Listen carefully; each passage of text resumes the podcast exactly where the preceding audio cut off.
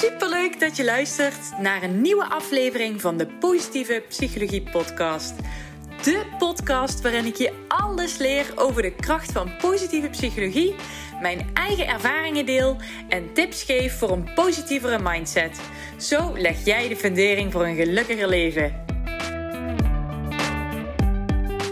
Hoi, lieve lieve luisteraars. In deze nieuwe aflevering niet één, maar twee hele bijzondere gasten. Sophie, op Instagram te vinden via Hapje van Sof, is vandaag de gast in de podcast. En als je geluk hebt, dan hoor je haar hulphond Pippa misschien wel op de achtergrond. Sophie is onlangs afgestudeerd als psycholoog, ambassadeur van Ik Ben Open en herstellende van anorexia. Haar droom is om haar eigen ervaring in te zetten op een manier die bijdraagt aan het vinden van een passende behandeling voor anorexia. Ze hoopt ooit een boek te schrijven, een baanbrekend onderzoek te doen en een eigen kliniek te starten voor meisjes die helpen. Oh, sorry, ik zeg het verkeerd. En meisjes helpen hun demonen te overwinnen. Sophie, van harte welkom. Ja, dankjewel. Superleuk dat je me hebt uitgenodigd. Ja, heel leuk. Heel toevallig eigenlijk. Ja, ik was echt een beetje aan het fangirlen toen ik je momentje, uh, toen ik je uh, berichtje kreeg. Want ik luisterde dus tijdens de lockdown, kwam ik op je uh, podcast terecht. En toen heb ik echt elke wandeling met Pippa vanaf dat moment totdat ik ze allemaal had geluisterd. Dus toen kreeg ik je berichtje en dacht ik, oh mijn god, oh mijn god. Wat leuk. Ja, en ik had dus andersom. Ik, ik had je eigenlijk even, misschien even een introotje. deze week is de campagne van Ik Ben Open gestart. Een campagne om, nou misschien kan Sofie er dadelijk wel meer over vertellen. Maar uh, om mentale, de taboe op mentale klachten te doorbreken. En uh, alle ambassadeurs werden gepresenteerd. En toen dacht ik, hey, die bij mij op de gast geweest op de podcast. Die, die, die. En toen dacht ik, toen zag ik het bij jou. Jij ook ambassadeur. En toen dacht ik, maar jij bent nog niet bij mij op de podcast geweest. Dus ik tankde jou. Maar ik dacht, die gaat, dat nooit, die gaat daar nooit op reageren. dus we zijn een beetje starstruck van elkaar dan, denk ik. Want ik volg jou ook echt al een hele tijd. en ik zit mijn vriend al jouw Pippa-filmpjes altijd te laten zien, want ik vind ze hilarisch. dat hij zegt... Oh, dat blijf ik zo grappig vinden als mensen dat zeggen over Pip. Oh, heet ze Pip? Sorry, ik dacht Pippa. Nee, nee, nee. Oh, ja, nee, ik noem er altijd Pip, maar ze heet Pippa officieel. Oké. Pippa Perra Junior is haar hele naam. Maar um, ze luistert altijd naar Pip. Dus ja, nee, met die filmpjes is het altijd, het grappige is, ik moet zeggen dat ik altijd een enorme lol mezelf kan hebben als ik die captions erin zet. Maar ik had nooit verwacht dat andere mensen dat ook leuk zouden vinden. Want ik ben zo iemand die zeg maar iets te hard kan lachen om zijn eigen grappen. Dus iedere keer als ik dan die captions neerzet, dat ik dan echt helemaal stuk ga op mezelf. Dus ik vind het zo leuk dat er andere mensen zijn met mijn humor, zeg maar. Ja, maar ze zijn ook echt heel leuk. Ik zit ook echt iedere keer mijn vriend te laten zien. Kijk, kijk, kijk. En hij wordt er helemaal niet goed van. Maar ik zeg, het is zo leuk. Kijk naar Pep. ja. Dus hier zijn we dan. ja, daar zijn we dan. Potverdorie. Nou, ik vind het super leuk dat je er bent. En uh, misschien kunnen we starten met een stukje over Ik ben open. Want dat, uh, ja, ik heb daar vorig jaar een aflevering eh, over gemaakt. En ik vind dat super mooie een mooie campagne, heel belangrijk ook. En uh, jij als ambassadeur kan er vast iets, uh, iets zinnigs over zeggen. ja, nou weet je, ik, ik was best wel um, onder de indruk toen ik een berichtje kreeg of ik uh, ambassadeur zou willen worden. Want um, Ik Ben Open is een campagne die er eigenlijk over gaat dat um, ja, er best wel veel mensen zijn met mentale problemen, onder andere depressies, maar ook veel eetstoornissen of angststoornissen. En dat dat iets is wat nog zo'n taboe is tegenwoordig, dat mensen gewoon doen alsof het er niet is. Of dat ze een burn-out krijgen en het dan proberen te verbergen. En uh, ik ben open, het draait er eigenlijk over dat uh, mensen die, ja, die ogenschijnlijk normaal zijn, dat die ook ziektes hebben en ook problemen hebben. En tijdens de Mental Health Awareness Week um, wordt iedereen dan uitgedaagd door een foto te maken en een imperfecte cirkel op zijn hand te tekenen. En uh, te laten zien daarmee van ik ben open. Ik heb ook problemen en ik ben nog steeds een even leuk, lief, aardig mens uh, als hiervoor. Maar nu weet je ook dat ik ook mijn uh, eigen kruisjes draag, zeg maar. En um, ja, er zit een heel mooi team achter. En ook iedereen die daar werkt, die heeft ook zijn eigen problemen gehad. En wat ik zelf het meest geweldige vind, is dat um, ja, je hebt dan de social media ambassadeurs, daar ben ik er eentje mm -hmm. van. En je hebt mensen die in het vaste team werken, dus die uh, de samenwerking met de GGZ doen en de site onderhouden en Instagram. En wat ik zo gaaf eraan vind, was dat het eerste uh, tijdens een meeting wat werd gezegd was van... Um, ja, ik, ik uh, ben zenuwachtig en ik heb de neiging om mezelf een beetje te overwerken, omdat ik er zo enthousiast van word. Dus af en toe zou ik mezelf even afremmen.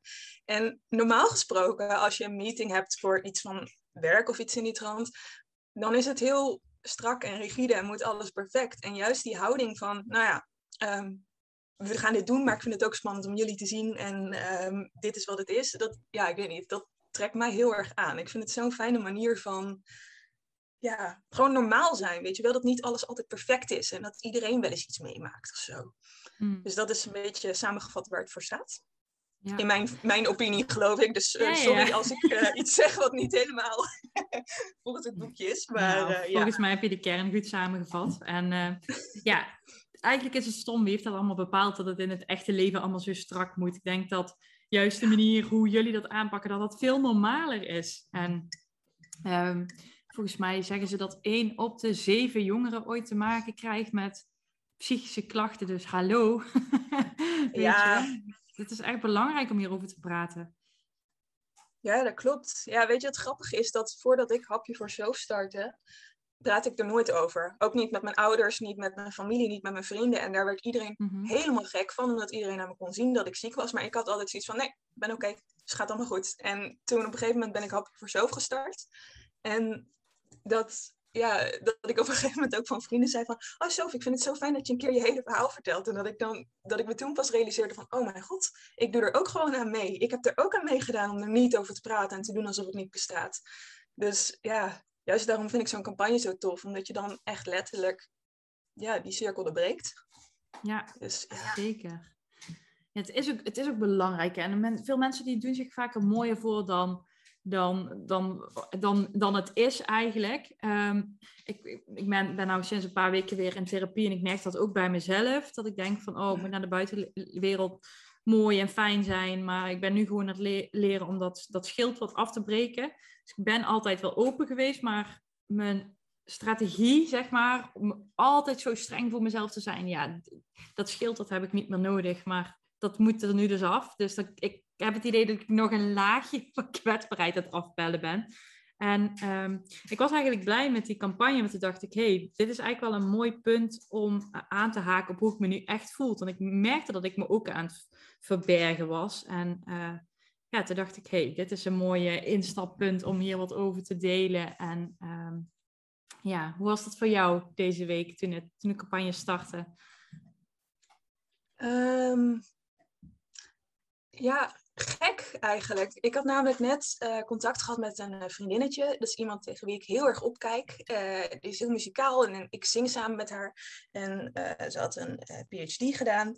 En ik vertelde dat aan haar, dat ik, ja, weet je, dat ik het weet je, dat ik best wel opkeek tegen hoe zij alles had bereikt. En toen zei ze, oh maar zo tijdens het lockdown en toen was ik zo druk aan het werk en ik had zoveel op mijn schouders, dus toen stortte ik ook helemaal in. En dat ik echt dacht van, hè, jij. En dat het me opvalt dat mensen tegen wie je vaak opkijkt, zeg maar, van wie je echt denkt, nou, jij hebt het gewoon helemaal. Je hebt alles voor elkaar. Dat er dan vaak iets achter zit. Dus voor mij viel het allemaal zo heel mooi samen, omdat ik merk dat ondanks het feit dat ik open en eerlijk ben op mijn Instagram en op mijn blog, dat ik toch nog steeds de neiging heb, zeg maar, om wel te willen dat iedereen me leuk genoeg vindt. En wel te vinden, te laten zien van, ik doe echt mijn best, dus dan moet ik ook positieve dingen posten. Dus ja, mm in alle eerlijkheid denk ik dat, dat, ja, weet je, hoewel ik het heel cool vind dat ik ambassadeur ben, dat ik daar zelf ook nog dingen in te leren heb. Omdat ik lang niet altijd zo open en eerlijk ben als ik zou willen zijn. Gewoon omdat ik dat nog best wel eng vind, eigenlijk.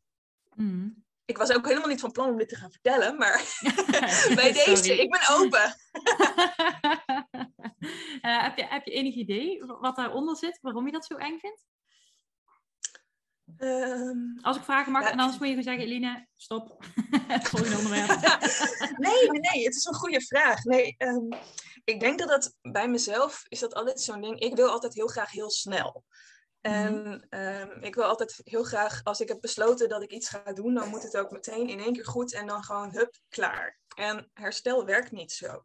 Herstel gaat met ups en downs en zit in hele ingewikkelde knopen. En af en toe ga je tien stappen vooruit en dan ineens val je er weer twee terug. En ik heb dan heel vaak het idee van, oh, dan heb ik net iets gepost over hoe goed het gaat en wat ik allemaal heb bereikt. En een paar dagen later gaat er iets mis. En dan voelt het een beetje alsof je dan niet mag toegeven dat het, ook al heb je dingen bereikt, dat het dan nog steeds soms even wat slechter kan gaan. En ik denk dat het vooral mijn angst is om mensen teleur te stellen. En ook dat ik denk van, ja, weet je, er rekenen mensen op mij, dus ik moet het nu wel laten zien. En mhm. ja, ik denk dat het gewoon een onzekerheid is die ik al zo lang heb, dat het gewoon echt moet slijten gewoon. En ja, ik hoop dat er ooit een moment komt waarop ik het niet meer heb. Maar aan de andere kant, ja, misschien zit het ook wel gewoon in mijn persoonlijkheid of zo. Ja, zou ook goed kunnen. Het is ook niet erg, hè? Als je, als je er bewust van bent, dat is al super waardevol. En uh, ja, zeker met social media laten we toch eigenlijk allemaal wel het mooiste stukje van onszelf zien. En uh, ja.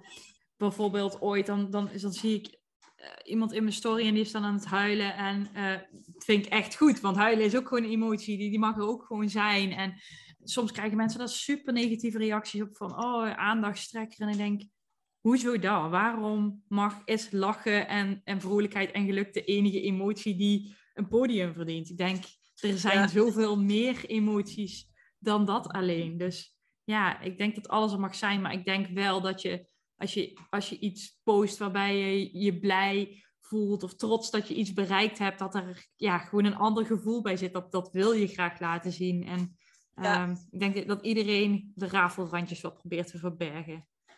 Ja. ja, en dat is ook waarom ik op een gegeven moment dacht. Ik heb ook heel lang vanuit mijn omgeving gehoord van, nou ja, je kunt nooit psycholoog worden, je kunt nooit aan het werk als psycholoog, want je hebt zelf anorexia. Ja, dat mensen dan zeiden, nou, dat gaat je nooit lukken. Ehm, als je het zelf hebt gehad, als je zelf niet eens gezond kan zijn, waarom zou jij anderen dan kunnen helpen? En uh, mensen die een bagage hebben, die kunnen geen psycholoog worden. En daarom heb ik ook heel lang dat ik gewoon deed alsof het er niet was, zeg maar. En dat heeft ook heel hmm. lang gewerkt, want ik kon prima studeren en al die dingen naast elkaar doen. Alleen het leefde gewoon een beetje langs me heen, zeg maar. Hmm. En op een gegeven moment was ik daar zo klaar mee, want ik dacht echt van, ja, maar het, het is nou eenmaal iets van mij. En weet je, als ik mijn been zou breken, dan zou ik ook niet alles gaan photoshoppen, bij wijze van spreken, om maar te ontkennen dat mijn been een keer gebroken was. En ja, ik weet niet. En het grappige is dat op het moment dat ik besloot van, oké, nu is het goed, nu is het klaar, dat ik toen voor mij ook opviel dat er meer mensen waren die het deden. En dat toen ook een beetje, toen ontstonden de ervaringsdeskundige behandelcentra en zo. En ja, ik weet niet, voor mij toen maakte mijn hart echt wel een beetje een sprongetje. Omdat ik echt dacht van, oké, wauw. Het kan dus wel. En ik ben dus niet een lost cause, zeg maar. En ik merk ook wel mm. zelf, um, ik heb behandeling van een ervaringsdeskundige. En voor mij werkt dat honderd keer beter dan uh, een psycholoog die dat niet heeft. En dat heeft helemaal niks te maken met de persoon zelf. Want ik bedoel, iedereen die kan een goede behandelaar zijn. Maar ik merk voor mij dat het beter werkt dat op het moment dat ik iets moet delen, zeg maar. Dat, dat ik weet dat zij het zelf ook heeft gedaan. Dus dat ik dan niet hoef te schamen voor wat ik vertel, zeg maar. Dus ja. Voel je een stukje extra begrip? Ja, ik denk het wel, ja. ja. ja. ik zit na te denken hoe ik het kan omschrijven, maar het is gewoon een gevoel of zo. Dat je gewoon weet dat wanneer ik het nu zeg van oké, dat ik niet bang hoef te zijn dat je me uit gaat lachen of iets in die trant. En natuurlijk, ja, ik bedoel, ik heb zelf de training gehad en ja, bij gespreksvaardigheid, zeg maar, krijg je zulke bizarre zaken voor je dat al het lachen en zo, dat gaat er vanzelf wel vanaf. Dus je weet dat het niet gaat gebeuren, maar toch is het die angst, zeg maar, dat, ja, ik weet niet, dat, dat als iemand die, die zelf niet die bagage heeft gehad, dat ze dan toch vinden dat je minder bent omdat je een ziekte hebt die niet iedereen heeft, zeg maar. Grappig, want ik, uh, ja, grappig is misschien niet het goede woord, maar als ik zo naar, uh, naar ja, de coaches en de therapeuten, uh, als ik daarnaar kijk, die, die ik ken, die hebben allemaal een rugzakje. En dat is super waardevol, want je, je, ik zeg niet, je moet dingen mee hebben gemaakt om anderen te kunnen helpen, maar het is zo ontzettend waardevol om, om, om net dat stukje extra inlevingsvermogen te hebben. Ik, uh, ik heb nou ook voor het eerst een psycholoog die ook een eetstoornis heeft gehad, en ze heeft dat ook gewoon eerlijk verteld. En um, uh, zij deelt niet helemaal niks van haar privéleven, of dat, wat ik wel gewend ben van andere psychologen. Maar zij doet net een laagje van, oh ja, ik merk als het uh, met mijn eetstoornis niet zo goed gaat, dat ik wat rommeliger word in huis. En uh, mijn mhm. vriend kan me dan helpen dat te helpen signaleren. Ze vertelt niet helemaal de privéleven, maar echt een stukje van, hey, ik herken dit, dit gebeurt er bij mij, misschien heb jij er wat aan. Zo ontzettend waardevol. Dus ik, ja, ik vind dat rugzakje bij, bij behandelaars, laten we ze zo dan maar even onder één paraplu vatten. Ik... ja, dat is super waardevol. Wat horen we? Oh, we horen dat. Uh... we horen dat Mr. Grey is vertrokken. oh no! ik, had, ik had Netflix gepauzeerd. Ik was uh, Fifty Shades of Grey aan het kijken. ineens springt uh, ja, naar Netflix. Je film voor een vrijdagavond. ja, ideale film. Ik ben alleen thuis, moet wat. Dus uh, nee, dat had ik nog aanstaan. En, maar Netflix die schakelt zich op een gegeven moment af. En we hebben altijd de radio aanstaan voor de hond s'nachts. Dus hij viel terug op de radio. Um, waar waren we? Paraplu, kapstok, behandelaren met rugzakje. Ja. Oh ja, we hadden het over dat uh, jouw behandelaar um, soms dingen van zichzelf deelt en dat je dan die herkenning uh, ervaarde. Ja, precies. Dus, en ik zei van, als we dan alles eventjes onder één, ja, wat zei ik nou? Behandelaar, um, dat het gewoon... Je vertelde... Ja, dat, dat het gewoon heel waardevol die... is als je behandelaar een rugzakje heeft. Dat was de kern van het verhaal. Ja, ik krijg dat nu ook wel eens. Ik krijg uh, best wel vaak dat ik privéberichten krijg van mensen die of zelf een eetstoornis hebben, maar ook heel veel ouders die wiens kind een eetstoornis heeft en dat ze het niet begrijpen. En dat ze dan zeggen, oh, jij omschrijft het zo goed, dus dan snap ik een beetje wat in hun hoofd omgaat. Mm. En um, kom je even mooi zeggen, Pip? um, was even Pippa die langskwam. um, en dat, nou ja, weet je, dat ik dan wel eens met ze in gesprek ga en dat ze dan uh, bijvoorbeeld vertellen over van, goh, we merken dat we hier en hier tegenaan lopen. En dat ik dan vertel, nou, ik weet niet of je er iets mee kan, maar um, bijvoorbeeld iemand die vertelde dat uh, haar dochter geen hongersignalen heeft. En dat is voor mij iets waar ik ook heel veel uh, problemen mee heb en heb gehad, zeg maar. Het feit dat ik gewoon geen honger voel. En toen vertelde ik van, nou goh, bij mij zijn we er inmiddels achtergekomen dat um, ik, als ik heel moe word, zeg maar, of als ik het ineens heel koud krijg, of als ik trillerig word, dat dat eigenlijk betekent dat ik honger heb. Mm -hmm. En dat ik een uh, paar dagen later uh, kreeg ik toen weer een berichtje terug. En dat die moeder zei van, ah, oh, het is zo fijn, want ik heb het nu met haar over gehad en nu snappen we het wat beter. En dan kunnen we er beter naar kijken. En ja, dat ik dan dat ik me zelf dan zo blij voel dat ik door zoiets kleins, zeg maar, gewoon een klein stukje delen, wat eigenlijk voor mij gewoon een ervaring is, dat dat dan kan zorgen dat zij weer een stukje vooruit kunnen. Dat, ja. ja. Ja, dat is super waardevol. Sorry, ik moet eentje plassen. nee, maar fijn ook als je als mensen, ja, als mensen daarvoor openstaan en je mag dan die tips geven en ze herkennen dat dan daarna bij hun kind. Ja, dat, hoe fijn is dat? En dan, dan kun je ook het gesprek ja. op een andere manier aangaan. Ja, ik vind het ook wel heel waardevol. Ik moet zeggen dat de eerste keer dat ik zo'n berichtje van iemand kreeg, dat ik echt een beetje um, ja, ik weet niet, verbijsterd was. Dat ik dan echt dacht, mensen vragen mij om hulp. Terwijl ik net heb gedeeld van, van wat voor stomme dingen ik allemaal heb gedaan en weet ik veel, dat soort dingen. En dat ik toen echt dacht van, ha, maar juist... Wacht even, voor Pippa, net je de boel even hield. Het is een uh, aflevering met honden-achtergrondgeluiden. ja, nee, Pip, ik heb net een uh, boek binnengekregen. Dat is een aanrader ja. trouwens. The Art of Racing in the Rain. Dat gaat over een hond en die vertelt dan zijn, zijn visie op hoe mensen leven, zeg maar. En uh-huh. daar zat dus zo'n bol.com doosje omheen. En Pippa die is lichtelijk obsessief met karton. Dus die probeerde net het uh, doosje met boek erin, zeg maar, weg te slepen. Dus die moest ik even, even stoppen. ja. We raken echt telkens van, uh, van, de, van, van, het van de leg. Opstaat, geloof ik. Maar ja. je zei dat, dat uh, mensen jouw berichtjes uh, hadden gestuurd om, je, om, om jouw advies te vragen, of tips. Ja, dat ik dan gewoon echt... Um, ik krijg dan vaak een berichtje en dat begint dan meestal met van... oh, ik heb zoveel aan je blog of je dit of je dat. En dat ik dan al even moet schakelen, omdat ik dan denk van... wow, voor mij was dit zo'n stap om dit te delen. En ik was vooral heel bang dat mensen negatief zouden reageren en dat het voor sommige mensen dan positief werkt. En dat is waarom ik überhaupt er ooit mee ben begonnen, zeg maar. Dat ik altijd dacht, als ik maar voor één meisje dat verschil kan maken, of voor één jonge vrouw dat verschil kan maken, dan heb ik het niet voor niets meegemaakt allemaal. En dan krijg ik zo'n berichtje en dat begint het dan. En dan vertelt iemand iets. En dat ik dan eerst even ik moet dan eerst even schakelen. Dat ik dan denk van, oh ja, ze, ze vragen dit echt van mij. Ze willen dat echt van mij weten. En dat, weet je, als ik iemand ja. dan advies kan geven. En als ik dan een paar dagen later een bericht krijg van, goh, ik ben naar mijn huisarts gegaan. Ik uh, heb toch uh, besloten mijn behandelaar op te bellen. Dat zijn echt van die momenten dat ik echt gewoon een brok in mijn keel krijg. Dat ik denk van, wauw, weet je, het was allemaal niet voor niets. Weet je, al die jaren waarin ik me echt heb afgevraagd van, waarom heb ik dit? Waar heb ik dit aan verdiend? Dat ik dan denk, oké, kennelijk was het nodig, zodat ik later allemaal andere mensen zou kunnen gaan helpen. En dat, ja, maar dat blijft iedere keer weer als ik, als ik dan zo'n inbox-melding uh, krijg, dat, ja, dat ik dan echt denk van, oh, weet je, misschien kan ik vandaag iets goed voor iemand betekenen. Dat, ja, ik weet niet, dat vind ik heel mooi. ja, dat is ook mooi. Ik denk ik dat het nooit went. Echt niet. Nee, ik denk het ook zo niet, bijzonder. Want blijft Ja, en ook als je, als je, als je ziet hoe, hoe lief mensen zijn, zeg maar. En gewoon ik denk ook de positiviteit die je er eigenlijk mee krijgt. Want juist door te delen dat sommige dingen minder gaan, merk ik eigenlijk dat ik veel meer positiviteit krijg dan wanneer je alleen maar de geairbrushed foto's post, zeg maar, met dat alles zo perfect eruit ziet. En ik weet niet. ja, voor mij heeft het echt heel veel contact opgeleverd of zo. Ja, dat kan me heel goed voorstellen. Ja, mensen vinden het eng om echt te delen, maar echt uh, wordt wel gewaardeerd. Dat is het misschien wel het dubbele hieraan.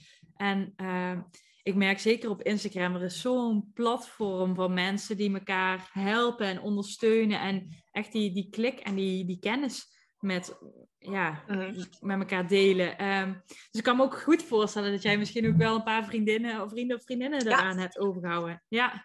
ja, zeker. Zeker. Ik heb een paar hele goede vrienden via Instagram leren kennen. En dat is gewoon toeval dan. Dat iemand inderdaad ergens op reageerde en dat het dan blijkt van, oh, hey, we denken hierover na. Of mensen die ik gewoon, weet je, die me dan volgen vanwege Pippa of zo. En dat je dan merkt van, oh, we hebben dezelfde liefde voor honden. En dat je dan gewoon die klik hebt over iets van, met iemand die anders nooit tegen was gekomen. omdat hij aan de andere kant van het land woont of in België woont of iets in.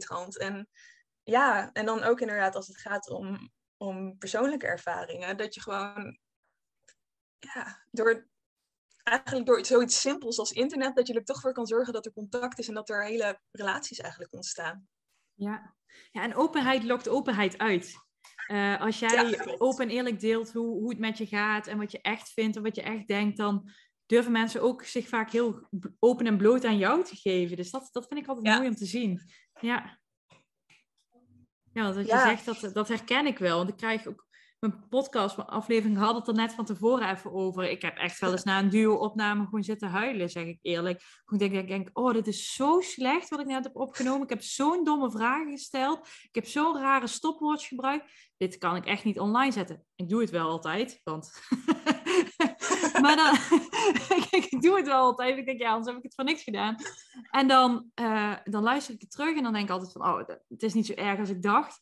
En dan is het altijd dat er een x aantal dagen of weken daarna krijg ik echt een, een, een A4'tje in mijn DM's van, nou, die, die aflevering was net of je tegen mij had. En uh, het was precies wat ik moest horen. En ik denk, ja, weet je, shit. Dan, dan denk ik van, oké, dan ben ik blij dat ik het toch gedaan heb. Maar eh, het is, ja, het is lastig wat er intern gebeurt. En uh, wat het dan toch losmaakt bij een ander. En um, mm-hmm. ik wil een helpende gedachte benoemen, die ik dan altijd zeg. Oh ja, ik denk altijd, er is altijd wel één iemand die, die dit wil horen. Die dit nu nodig heeft. En dat helpt me met het delen van zowel mijn podcast of, of mijn, mijn, uh, mijn Instagram post. En dat hoor ik bij jou ook zeggen. Van als ik maar één iemand kan helpen om, om hulp te zoeken, ja, daar doe ik het voor. En ik denk dat dat iets heel moois is.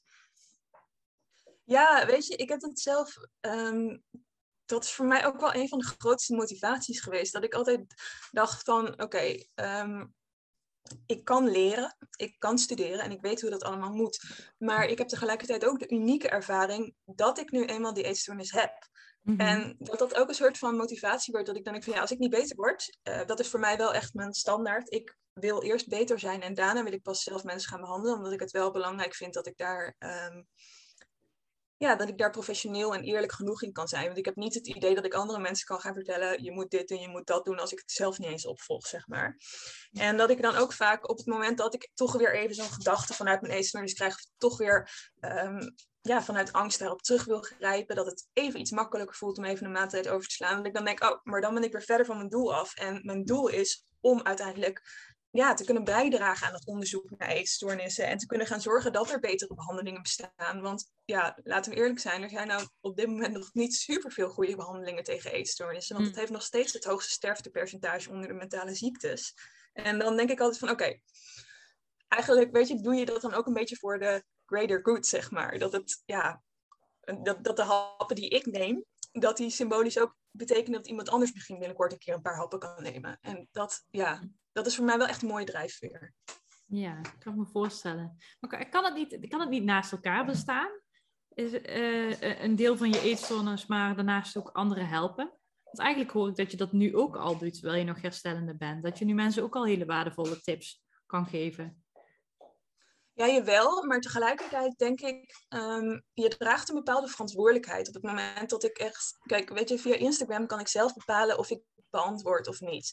Maar op het mhm. moment dat ik als uh, klinisch psycholoog dan zeg maar, dat is uiteindelijk wat ik wil gaan doen, um, mensen ga begeleiden, dan draag je ook een verantwoordelijkheid. En um, vergelijk het zeg maar met, met een neurochirurg die een hersenoperatie uitvoert, op het moment dat hij ehm, een gigantische hooikoortsaanval heeft en constant moet niezen, dan wil je liever niet dat hij um, in je frontaalkwap gaat zitten snijden. Want stel je voor dat hij één klein stukje uitschiet, ja, weet je, dan kan het zomaar zijn dat je ineens allemaal woedeaanvallen gaat krijgen. Ook, weet je, dat soort dingen. Dat wil je niet. Dus op het moment dat um, een psycholoog zelf niet lekker in zijn vel zit, kijk, het is best wel een heftig eigenlijk. Je, je krijgt toch al die heftige verhalen te horen. En al die lading, die draag je met je mee. En die moet je ook kunnen begeleiden. En dan denk ik, ja, als ik zelf niet in orde ben, dan vind ik het niet verantwoordelijk om dat op die manier te gaan doen. Dus daarom vind ik het wel, ja, voor mij is dat wel een belangrijke uh, vereiste. Maar wellicht zijn er mensen die dat wel op die manier kunnen hoor. Maar voor, ik, voor mezelf heb ik dat wel heel duidelijk als, uh,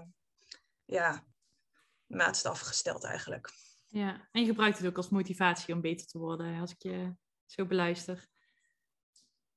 Ja, ik word echt, dat is echt een van de dingen, ik word zo intens gelukkig van bezig zijn met het onderzoek hierna.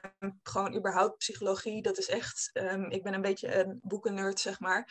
En um, ik vind niks fantastischer dan onderzoeken lezen en gewoon kunnen uitleggen hoe dingen werken en dan weten dat het kan veranderen.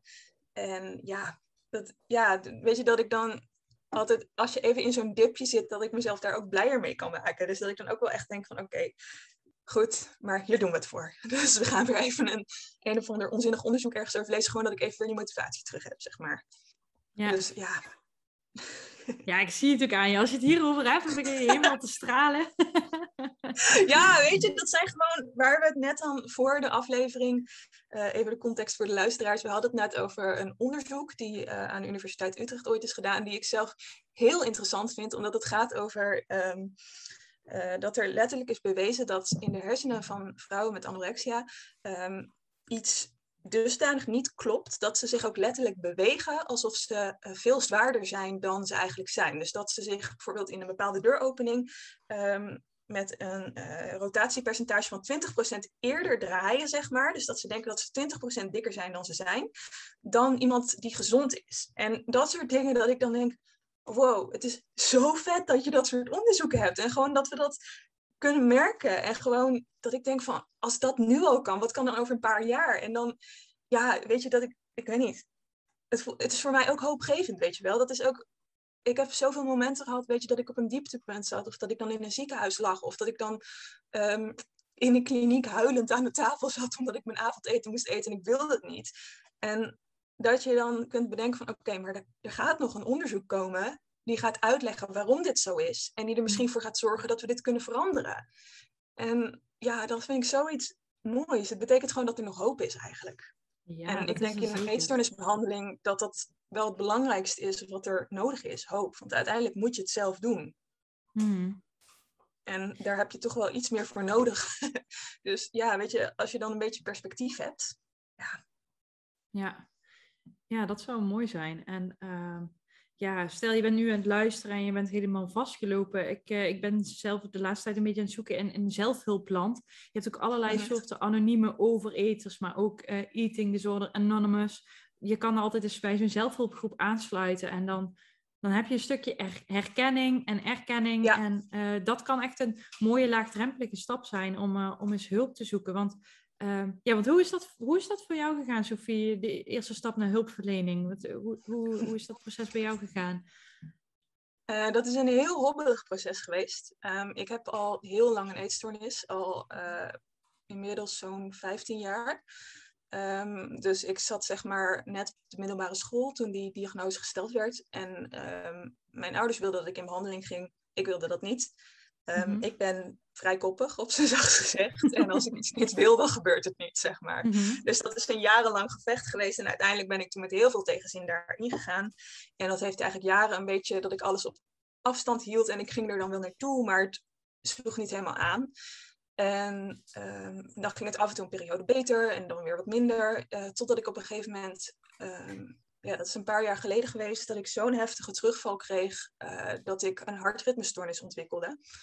En um, ik was toen net in Utrecht bij een nieuwe huisarts. Echt een geweldige vrouw die echt, waar ik letterlijk mijn leven aan te danken heb. En die, daar had ik mee overlegd van, goh, uh, misschien, want ik was toen nog zo erg in ontkenning. Ik vond het zelf nog niet echt een terugval. Ik dacht, ja, eet niet zoveel. Maar toen hadden we afgesproken van, nou, misschien om het voor te zijn, melden we je alvast aan uh, bij een eetstoorniskliniek. En mhm. laten we ook alvast eventjes bloed prikken. Gewoon, uh, misschien kunnen we je aanmelding daar iets mee versnellen als daar iets niet klopt. Nou ja, toen werd ik dezelfde dag nog teruggebeld dat ik direct naar het ziekenhuis moest. Omdat uh, bepaalde waarden in mijn bloed zo extreem laag waren dat ik eigenlijk elk moment een hartstilstand zou kunnen ah. krijgen. En ik weet nog dat ik daar binnenkwam en dat ik dacht, ja, ze hebben het fout gemeten. Zo ziek ben ik helemaal niet. En dat, um, ja, dat, dat ik toen, uh, ik had die arts verzekerd dat ik helemaal oké was. Dus ik was weer terug naar huis gegaan met de medicatie. En dat mijn huisarts me de volgende dag terugbelde. En hij zei, Sophie, dit kan niet. Je hebt gezegd dat je je prima voelt, terwijl je steken hebt. Je waarden zijn zo laag en dit, dit kan gewoon niet. En toen, is, nou ja, toen ben ik uh, ambulant in behandeling gegaan. Maar eigenlijk na uh, twee weken um, ja, hadden ze eigenlijk al zoiets van, dit, dit, kan niet zo. Dus we zetten je op de wachtlijst van een uh, opname. Mm -hmm. En um, ja, tegen die tijd uh, was ik weer opgenomen in het ziekenhuis, omdat ik uh, telkens wegrakingen had. Gewoon dat, uh, dat er geen pols meer te voelen was en dat er gewoon, dat, ja, weet je, dat, ik kreeg hele rare hartkloppingen en gewoon, het ging gewoon echt heel slecht. En toen is het een beetje op een fast gezegd, omdat mijn huisarts zei van ja, ik, ik kan die verantwoordelijkheid niet meer dragen, want het gaat gewoon zo slecht met je dat, ja, dat je gewoon elk moment dood kan gaan. En het is voor mij heel surrealistisch om dit zo te vertellen, omdat ik nog steeds me dat gevoel herinner van toen dat ik echt dat ik daar echt heb gezeten. En dat ik zie van, ja, ik ga helemaal niet dood. ja, dat weet je helemaal niet. Dus onzin. En um, ja, toen uh, ben ik voor de eerste keer opgenomen. En um, dat, dat was echt heel moeilijk. Want ik mm. voelde me er echt niet thuis. En um, ik ja, ik had echt het idee dat ik de enige was daar die niet ziek was eigenlijk. Ik wist wel dat ik een eetstoornis had en daar wilde ik wel heel graag vanaf. Maar dan voelde ik me echt een beetje het dikkertje van de groep. En dat was natuurlijk niet zo, maar dat heeft mij heel lang geduurd uh, voordat dat een beetje begon in te zinken. En toen na 4,5 maand ben ik overgegaan naar een uh, open afdeling. Want ik was destijds mhm. fysiek zo slecht dat ik uh, zeven dagen per week daar moest zijn, omdat het gewoon anders niet verantwoordelijk was, zeg maar.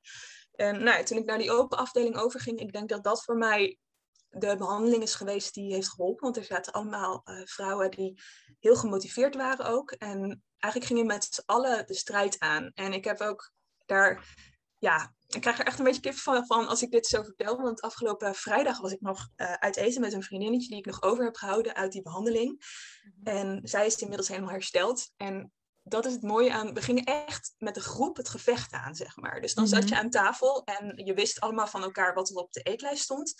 En um, dat je dan gewoon zei van, hé, hey, ik weet dat je het niet wil, maar je moet nog één boterham. En je ging dan samen dat gevecht aan. En ja, gewoon het feit dat je er dan niet meer alleen voor stond, ik denk dat mhm. dat voor mij echt de eerste keer een behandeling is geweest dat ik echt het idee had van, oké, dit kan. Want ja, daarvoor heb ik ook ja, die, behandeling die ik had tegen mijn zin in, die hebben nooit echt gewerkt voor mijn gevoel. En de keren dat ik, uh, weet je, dat ik toen opgenomen was, terwijl ik vond dat er niks aan de hand was, dan, ja, weet je, dan moet je eten en dan krijg je infusen en medicijnen. En ja, dan officieel wordt het behandeling genoemd, maar het doet in je hoofd niks, zeg maar. Mhm. En die keren dat je dan samen eraan het vechten bent en de oefeningen die je moet doen en ja, dus dat is voor mij uh, heel helpend geweest. En toen ben ik, um, ja, toen ben ik een hulphondentraject gestart. Dat was ook um, voordat ik die opname deed toen mijn hart zo slecht was. Ik wilde dat eigenlijk niet. Ik had echt zoiets van, bekijk het maar, ik doe het niet. Ik heb geen zin om daar tussen te gaan zitten. En toen heb ik mhm. met mijn ouders afgesproken, als ik dit aanga, dan gaan we zorgen dat ik die hulphond krijg. En um, ja, dat was voor mij zo'n motivatie dat ik daar toen dus doorheen ben gegaan. En toen ik met ontslag ging uit die groepsbehandeling, toen uh, ben ik het hulphondentraject gestart. En um, daarvoor had ik nodig dat ik nog nou ja, flink wat kilo's aan zou komen. Want voor, voordat je voor zo'n klein uh, fluffy wezentje kan zorgen, moet je natuurlijk wel een beetje body hebben. Mm. En uh, nou ja, toen ben ik in een vrij korte tijds, uh, een vrij kort tijdsbestek ben ik ehm, fysiek best wel aangesterkt. En toen kwam Pippa en dat, um, ja, dat ging heel goed. En eigenlijk in behandeling merkte ik ook heel erg van, uh, wow, oké, ja, wow, dit heeft zo'n positieve impact. Want nou Pippa was zo belangrijk dat ik eigenlijk geen um, reden meer had om niet te eten. En ik gewoon überhaupt ook niet om daarover na te denken. Want weet je, hmm. dan heb je het moment dat je met jezelf een uur lang kan gaan doen over één boterham. Terwijl daar een super lieve puppy in je kamer ligt, waar je ook mee zou kunnen spelen, zeg maar. Dus dat het gewoon, het was gewoon niet meer belangrijk. En ik dacht op dat moment echt uh, dat ik zo goed als hersteld was. Um, tot er een vriendinnetje van mij overleed, die ik in die groepsbehandeling had leren kennen. En uh, zij had ook een hulphondje en zij was mijn motivatie om ook een hulphond te krijgen, zeg maar. Mm Dus ze was echt heel belangrijk voor mij. En uh, nou ja, ze was in uh, eigenlijk ja, de maand daarvoor ging het nog goed. En toen was ze gestopt met eten en is ze binnen een paar weken overleden. En um, toen is het er bij mij ook weer ingeslopen. Heel, um, ja, hoe zeg je dat? Ja, echt een beetje als, de, als, als een cliché het klinkt, maar echt als een sluipmoordenaar. Want um, ik at nog wel, maar ik uh, spuugde heel veel mijn eten uit, omdat ik gewoon zo mhm. gestrest was dat ik het niet meer binnen kon houden, omdat ik constant een, een knoop in mijn maag had en in mijn keel. En um, nou, toen um, begonnen de hartritmestoornissen weer en toen viel ik heel snel af en het ging gewoon niet goed. En toen ben ik mhm. voor een tweede keer opgenomen geweest. En ik denk dat voor mij toen wel echt de knop is omgegaan en uh, dat ik echt dacht, ik wil dit niet meer. Dit is de laatste keer, ik ga dit niet nog een keer doen. Mm. En um, daarna heb ik een ervaringsdeskundige behandelaar gekregen. Mhm. En uh, sindsdien uh, ja, zijn we daarmee bezig. En ik merk dat dat voor mij, uh, ja, achteraf denk ik van, oh, misschien had ik dat veel eerder moeten hebben. Maar um, ja, dat is eigenlijk het uh, behandelpunt, proces waar ik nu in zit. We zijn bezig met de dingen verwerken die ik heb meegemaakt, maar ook de heftige ervaringen um, van die opnames en van het zo ziek zijn zonder dat je het zelf doorhebt. En gewoon eigenlijk van het, ja, letterlijk de dood in de ogen gekeken te hebben. Want het is, ja, op je 25ste is dat nogal wat. Hmm. En uh, ja, dat is eigenlijk heel kort samengevat mijn uh, weg naar behandeling en behandeling zelf. Dat is heel hobbelig verlopen en heel gek achteraf gezien. Maar um, uiteindelijk ben ik nu op een punt in een behandeling waarvan ik wel denk, ja, dit is het, dit werkt. Ik heb het mhm. gevoel dat ik hiermee echt beter ga worden. En ja, stap voor stap lukt dat. Fijn. ja. Grappig dat je je verhaal deelt. en uh, wat mooi ook om te zien van, nou, van uh, hè, dus een terugval, dat, dat, dat komt vaker voor. Hè? Dat is niet, dat is niet mhm. gek. Maar dat het je nu wel zo'n kracht heeft gegeven van, nou, dit, uh, dit wil ik dus echt nooit meer. Ja. Nee, het was denk ik echt... Ik zat daar toen en um, ik moest in een rolstoel, want de artsen die waren gewoon heel bang ja, dat het gewoon uh, mis zou gaan anders. Die, die laatste keer bedoel je? De laatste keer, ja. ja. Um, ik mocht gewoon helemaal niks meer zelf. Ik mocht Pip niet eens uitlaten. En um, dat was voor mij zo, zoiets dat ik dacht, ik wil dit niet. het maakt me niet uit wat ik hiervoor moet doen. Het maakt me niet uit hoeveel ik hiervoor moet eten. Het maakt me niet uit hoeveel ik hiervoor moet aankomen. Ik wil dit niet. Dit is geen manier van leven. En ook omdat ik weet je, dan zag ik vriendinnen afstuderen en dan had ik allemaal dingen, weet je, dan, dan zat ik tegenover een psycholoog en dat ik dacht van, ik wil jou graag zijn. Ik wil in jouw stoel zitten. Ik wil dit werk doen. En in plaats daarvan zit ik hier en zijn jullie aan het overleggen of ik straks weer aan een infuus moet, omdat jullie mijn waardes niet goed vinden. En dat ik dacht, dit, dit kan niet. Dit is niet wat een twintiger hoort te doen. En ja dat, ja, dat is voor mij wel echt doorslaggevend geweest. Het is zo Weet je, als je opgestort wordt door een eetstoornis, dat zul je waarschijnlijk ook wel herkennen. Het is het, het begint klein en het wordt steeds groter. En op een gegeven moment is het gewoon je leven. En je hebt niet meer door dat er ook nog andere dingen zijn. Want je hele dag draait om zoveel mogelijk lopen, zo gezond mogelijk eten, zo min mogelijk eten, zoveel mogelijk afvallen. En dan voelt dat als de enige manier om je oké te voelen. En ja, voor mij kan echt dat, die klik toen ik Pip dus niet meer mocht uitlaten. Toen werd gezegd van, jij kan dit nu niet doen. Het is niet verantwoord als jij niet met haar naar buiten gaat. Want als jij nu alleen met haar naar buiten gaat, dan kan het maar zo zijn dat je onder, onderweg een hartaanval krijgt en dat het fout gaat. Hmm. En dat was voor mij echt zoiets dat ik dacht, ja, maar ik wil wel voor mijn eigen hulphond kunnen zorgen. Hmm. ja. ja, ik denk dat dat ook wel een van de belangrijke dingen is in een eetstoornisbehandeling. Dat is puur mijn mening, maar ik denk wel dat er om te zorgen dat het beter gaat, zeg maar, dat er zelf op een gegeven moment ook het besef moet zijn dat je het niet meer wil. Want zolang het hmm. nog iets is wat je wel in je leven wil houden, ja, heb je eigenlijk ook geen reden om er echt 100% voor te gaan. Hmm. Ja, eens, denk ik. ik uh, of denk ik, eens. Um, ja, ik ben, ik ben vorig jaar zelf in behandeling geweest voor mijn eetstoornis en ik heb daar heel veel uh, vermijdende technieken geleerd. Uh, Weet ik nu achteraf. Dus stel, uh, ik zit op het moment in mijn binge eating disorder fase. Dus dan stel er is op een verjaardag, er staat eten, dat je dan zo ver mogelijk van de tafel af gaat zitten. Um, ja. En in de behandeling waar ik nu in zit, um, nu is het, Ehm, als je wil eten, heeft dat met een bepaald gevoel of verlangen te maken. Ja. Dus nu ga ik die laag daaronder zitten. Nou, en het is echt het is zo confronterend en ik wil het liefst, ik wil, mhm. wil het ieder moment uit de weg gaan, maar ik weet wel, ik moet hier nu doorheen en het is kut. Maar hierdoor gaat het wel beter worden. Want het is zo lang, die emoties allemaal gedempt, alles met eten of niet eten. Nou ja, net, uh, net aan welke kant je zit. Maar um, er zit van alles onder. Ja, ik heb toevallig afgelopen week een hele nare gebeurtenis gehad. Uh, iets in mijn behandeling dat een hele hoop openhaalde voor mij.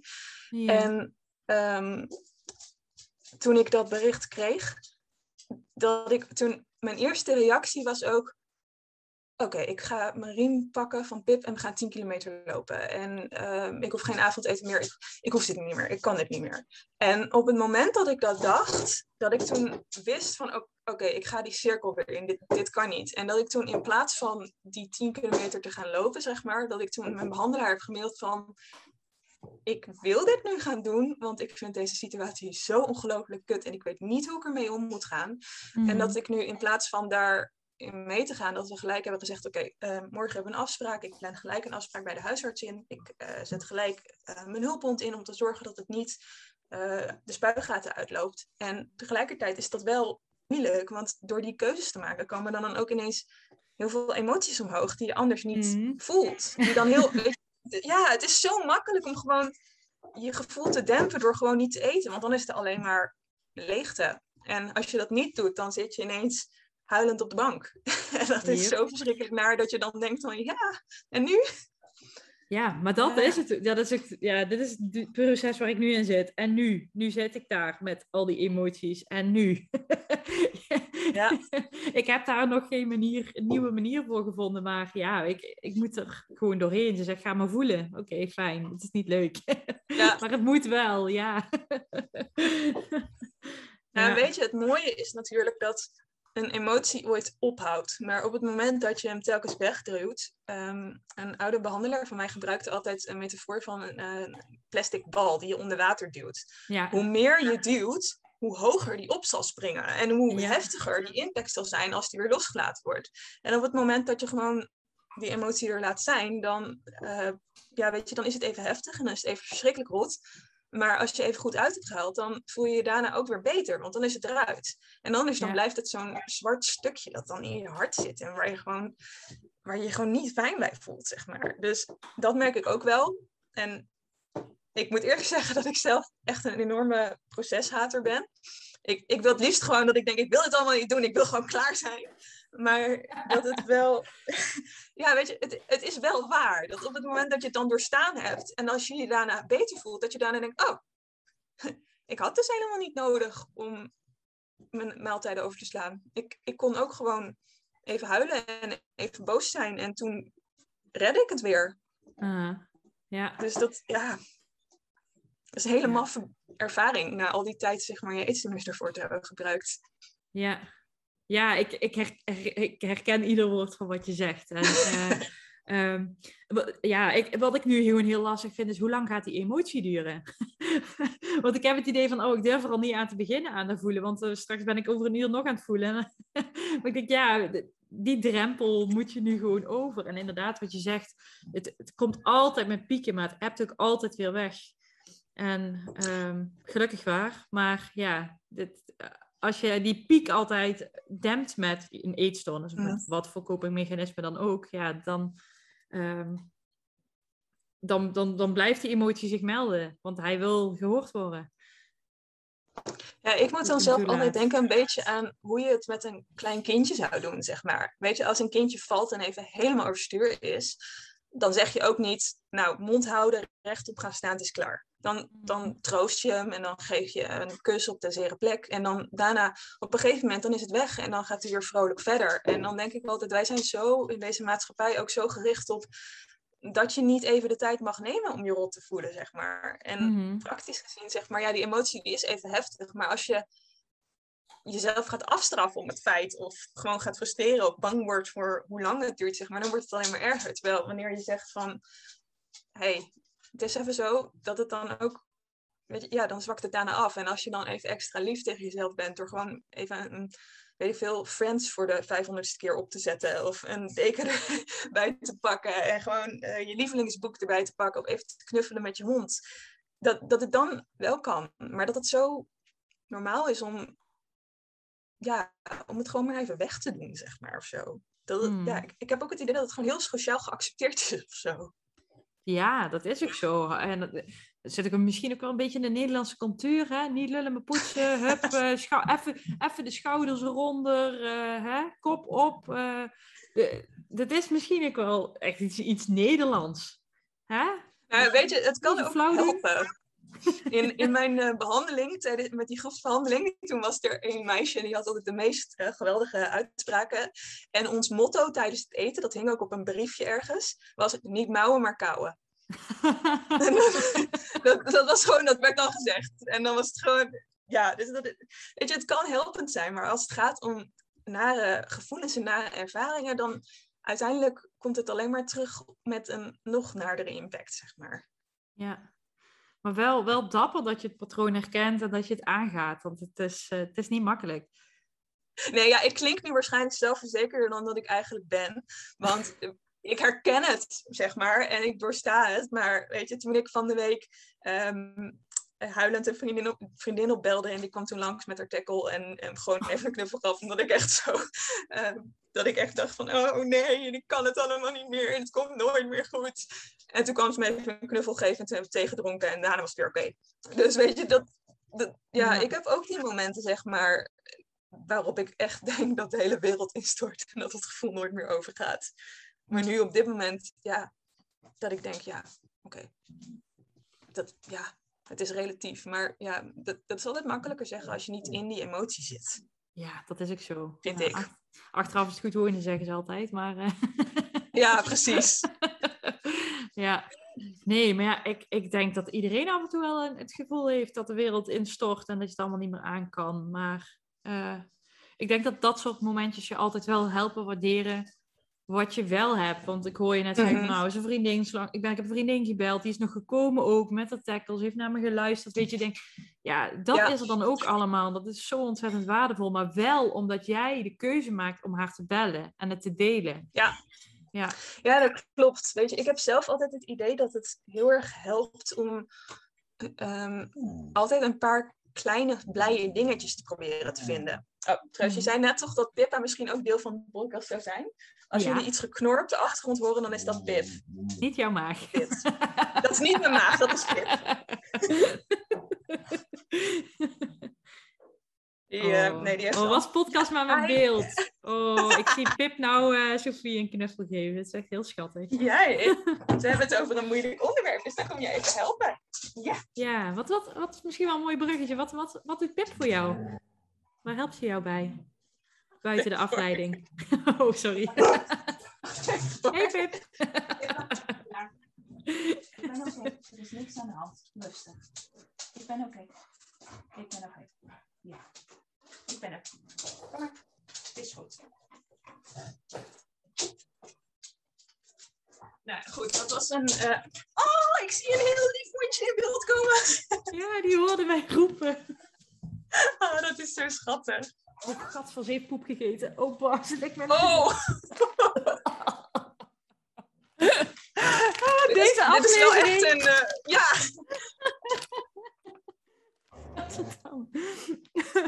Respect voor alle mensen die nog niet afgehaakt hebben met al onze intermezzo's met de honden tussendoor. en Mr. Grey. oh. Goed, nee. wat doet Pippa voor jou buiten? Nou ja, dat, Kijk of je dat hoor je. Ja, dat hoorde je net eigenlijk al een beetje langskomen. Um, Zodra uh, mijn emoties oplopen of ik ergens mee bezig ben wat ik moeilijk vind, dan um, komt ze even langs op dit moment, zeg maar. Maar um, zij heeft heel veel gedaan in mijn eetstoornis uh, uh, herstel, zeg maar, voor het herkennen van grenzen. Ik heb heel mhm. lang gehad dat ik eigenlijk geen fysieke cues meer kreeg van wanneer iets te veel was. Dus uh, bijvoorbeeld honger kan ik niet voelen. En daardoor voel ik ook niet als mijn bloedsuiker te laag wordt. Mhm. En uh, Pippa is erop getraind dat ze dat kan ruiken. Dus op het moment dat het ehm, onder een bepaald niveau raakt, zeg maar, waarin ik, ja, weet je, waarin ik gewoon letterlijk kan omvallen, dan geeft ze dat aan. En uh, dat kan ze ook met andere waarden, bijvoorbeeld met mijn uh, kalium. Dat kan ze ook ruiken. En dan weet ik, uh, als ze daar telkens mee aankomt zetten, dat ik eventjes de huisarts moet bellen en dat ze het even moet gaan prikken. En mm -hmm. um, dat heeft er wel voor gezorgd dat ik, ja, weet je, dat ik heel veel ziekenhuismomenten zeg maar heb over kunnen slaan. Omdat Pip dat dan van tevoren aangeeft. Mm -hmm. En um, ze maakt me wakker uit nachtmerries. Dat is ook wel een heel belangrijk oh, iets voor wow. mij. Ja. Um, want ik heb uh, al sinds ik heel jong ben heel veel nachtmerries. En daardoor sliep ik zo'n twee uur per nacht. En um, Pip die kan ze voelen aankomen, zeg maar. Dus die maakt me dan wakker op het moment, waarschijnlijk als ik begin te praten in mijn slaap of begin te woelen. Ik weet niet precies hoe ze het doet, maar mm -hmm. ze mhm. komt dan altijd even een knuffel brengen. En dan uh, blijft ze net zo lang met de poot tegen me aantikken totdat ik wakker ben. En dan nee, zeg ik tegen haar, oké, okay, het is oké okay, Pip, ik ben oké. Okay. En dan gaat ze weer in de mand liggen en dan kan ik weer verder slapen. En dat zorgt er dus voor dat ik uh, geen nachtmerries eigenlijk meer heb. Wauw. En um, ja, weet je, ik kan een hele rits aan dingen opnoemen, maar ik denk dat het vooral... Um, dat, dat ze ervoor zorgt dat ik niet over, over het randje ga, zeg maar. Dus dat ik mm -hmm. niet um, te erg in paniek raak. Ze zorgt ervoor dat ik de melding krijg dat ik denk, oké, okay, nu is het even genoeg geweest. Bijvoorbeeld als ik um, geheel gestrest ben, dan heb ik altijd de neiging om heel ver te gaan lopen. Dat is echt mijn ding. Mm -hmm. En um, Pip die vindt het niet leuk om met mij te lopen als ik alleen maar heel snel door wil lopen, zeg maar. Dus die yeah. gaat dan op de rug op straat liggen en die vertikt het dan gewoon om mee te gaan. Dus dan weet ik, oké, okay, oké, okay, ik ben nu te ver gegaan. Ja. En um, allemaal dat soort kleine dingen. Het, is, uh, ja, het zijn gedragingen die veel mensen niet bij hulphonden verwachten eigenlijk. Maar ja. um, ze geven me eigenlijk inzicht in wanneer er iets speelt. Dus wanneer ik haar zie signaleren, dat is de officiële mm -hmm. term daarvoor. Dan weet ik van oké, okay, er is iets bij mij gaande wat ik zelf nog niet heb opgemerkt. En dan zorgt ze er eigenlijk voor dat ik een momentje stilsta. En dat ik weet van oké, okay, kennelijk moet ik nu iets eten. Of kennelijk is het nu even belangrijk dat ik eventjes tot mezelf kom. Of uh, ja, allemaal dat soort kleine dingen. Dus eigenlijk zorgt ze ervoor dat ik beter in contact ben met mezelf. Mm -hmm. Wat knap, wat, heb, heb, jij die, heb jij dat haar zelf aangeleerd? Of, of heb je daar, hoe, hoe gaat zo'n proces in zijn werk? Oh nee joh, ik ben zo getalenteerd ben ik niet. Ja, ik weet niet. Misschien ben jij een uh... vraag. nee, ik, ik heb echt fantastische trainers. Ik zit bij een uh, kinologisch instituut. Die is gespecialiseerd yeah. in het opleiden van hulphonden. Yeah. En um, daarbij uh, heb je trainingen. En uh, je kunt ze in principe 24 uur per dag bereiken. voor het geval er iets is. En je krijgt de pup dan met acht weken mee. En vanaf dat moment begint ook al de training eigenlijk. Yeah. Dus dan leer je samenwerken. En dan leer je je heel erg focussen op je hond. En dat is ook een onderdeel van het proces. Want doordat jij zelf um, die uh, um, signaleringen en zo moet gaan uh, aangeven aan je um, trainers en aangeven van oké, nu doet ze dit um, en nu doet ze dat. Wat moet ik hiermee? Daardoor word je heel bewust van wat er gebeurt en daardoor ga je eigenlijk samen ook een proces van herstel aan. dus uh, bijvoorbeeld met die bloedsuikers. Ik weet nog dat ik op een gegeven moment dat ik mijn trainer opbelde en dat ik zei van ik word helemaal gek van haar. Ze blijft maar achter me aanlopen, ze blijft maar in me prikken en ze wordt niet stil, ze blijft maar laffen. En nou ja, dat, uh, mijn trainer vroeg van, oké, maar wanneer doet ze dat nou precies? En toen op een gegeven moment kwamen we erachter dat ze dat deed op het moment dat ik zeg maar al heel lang niet had gegeten. Of als ik uh, veel te veel activiteit had gedaan en niet had gegeten. En um, je kunt het, als het gaat om een diabetespatiënt, dan kun je dat bijvoorbeeld trainen door um, wanneer je een hypo, dus een te lage bloedsuiker hebt, door een uh, wangstempel af te nemen en de hond te leren, oké, als het deze geur ruikt, dan moet je dat um, signaleren. Mm -hmm. Maar met een eetstoornis werkt dat natuurlijk iets anders. Dus bij mij was het eigenlijk vooral uh, constant kijken naar hoe doet Pippa, hoe reageert ze nu, zeg maar. En nu inmiddels mm -hmm. hebben we dat samen, omdat ik zo, omdat ik nu haar gedrag herken, zeg maar, weet ik nu wist ik wanneer ze dat, uh, uh, wat, wat ze daarmee bedoelden, zeg maar. En toen heb ik met mijn trainer geleerd van, um, oké, okay, wat wil ik dan wat ze gaat doen? En dan ga je samen eraan werken van, oké, okay, um, op het moment dat ik een laag bloedsuiker heb, dan wil ik dat ze mijn liga komt brengen.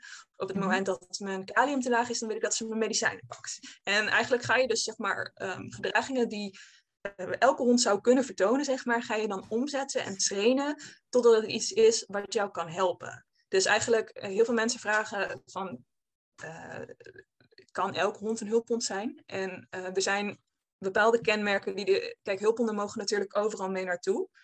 En um, op het moment dat je um, een hulphond hebt, dan moet je natuurlijk zorgen dat hij rustig genoeg kan zijn in alle omgevingen. Maar wat mensen vaak niet doorhebben, is dat elke hond, wanneer hij een goede band heeft met zijn baasje, dat hij al dit soort dingen voor je doet, zeg maar. Dus dat je die Mhm. dingen kunt trainen. Alleen je krijgt bij een hulphondeninstituut krijg je dusdanige begeleiding om te zorgen dat je die uh, gedragingen in goede banen kan leiden, zeg maar.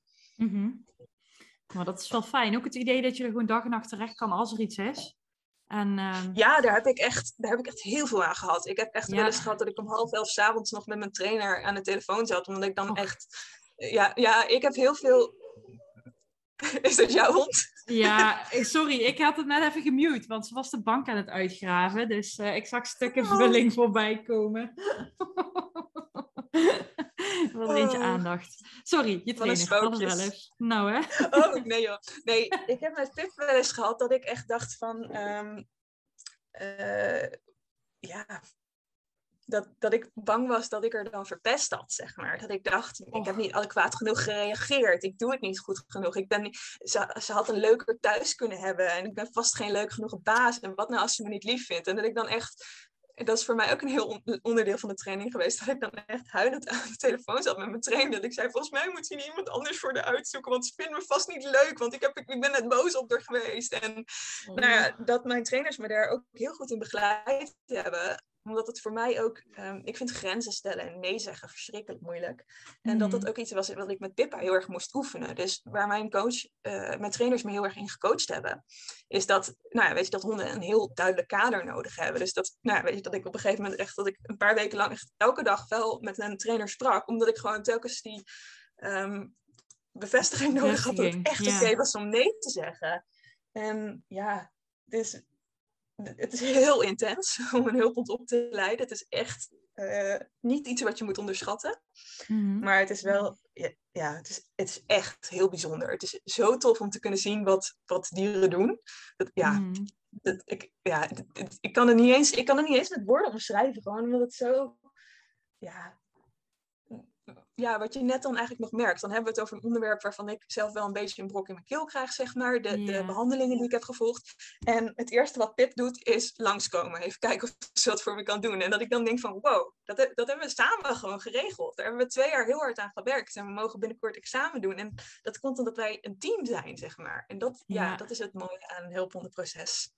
Ja, ontroerend. Hoe goed ze je aanvoelt. Ja. Mooi. Ja, dat is ook echt wel iets. Ja. Weet je, zelfs op de meest moeilijke en rotte dagen die er zijn. Als, als je dan even dat blije hoofd weer ziet. Of, dat ze dan, of als ik dan een slechte nacht heb gehad met heel veel nachtmerries. En ik dan wakker word en er vijf tennisballen en drie knuffels naast me liggen. Ik dan denk, oh. Of dat ze, dat doet ze ook wel eens als ik een rotdag heeft. Dan heeft ze de neiging om eh, alvast haar lievelingsknuffel. eh, mini Pip noemen we die. Dat is een, mini hulphondje. En die neemt ze overal mee naartoe. En als ik echt een slechte dag heb, dan, heb ze die, dan, eh, heb, dan heeft ze die neiging om mini-pip alvast op mijn bed te leggen. Dan legt ze die op mijn hoofdkussen neer. Als je dan naar bed gaat, echt met zo'n beetje verdrietig gevoel, en dan zie je die knuffel daar liggen, en dat je denkt, oh. oh ik krijg tranen in mijn ogen, dat is schattig. ja, dat is echt heel lief. En, en het mooie is, weet je, dat heb ik haar nooit geleerd. Dat doet ze gewoon uit zichzelf. En het, ja, het zijn echt, weet je, dat je dan echt dat je dan zo'n avond hebt gehad dat je gewoon de hele avond je rot voelt en hebt lopen huilen. En dat je dan, dan loop je je slaapkamer in en dan wil je je bed induiken. En dan zie je zo'n half afgekoude knuffel op je hoofdkussen liggen. En dat je dan denkt, oh. ja, het is zo lief. oh. ja. Ja. Ja, echt. Eh, als je nu na al deze pipverhalen, ik ga even een hapje van soep volgen, alsjeblieft. En uh, echt smelt weg, want het is echt geweldig. Het is zo leuk. en jij ook.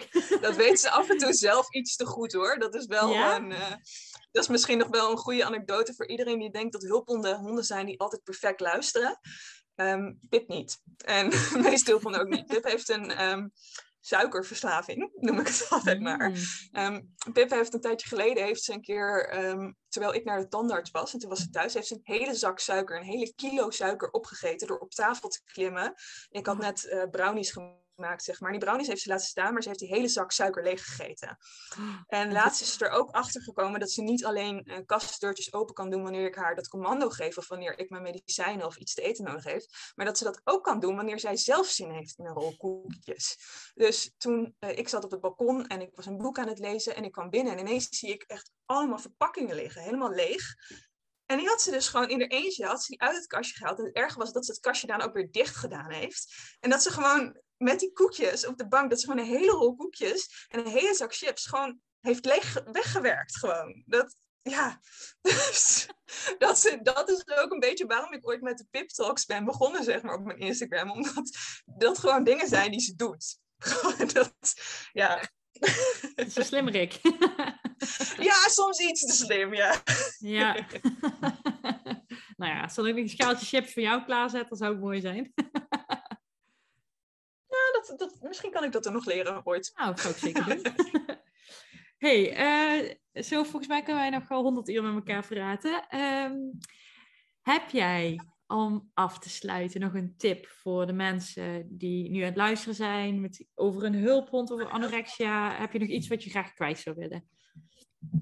Uh, ja, ik denk dat het een beetje een ongebruikelijke tip is, omdat de meeste mensen waarschijnlijk zullen komen met praat met je vrienden, zoek hulp, ga naar je huisarts, weet ik veel wat. Maar um, ik zou. Um...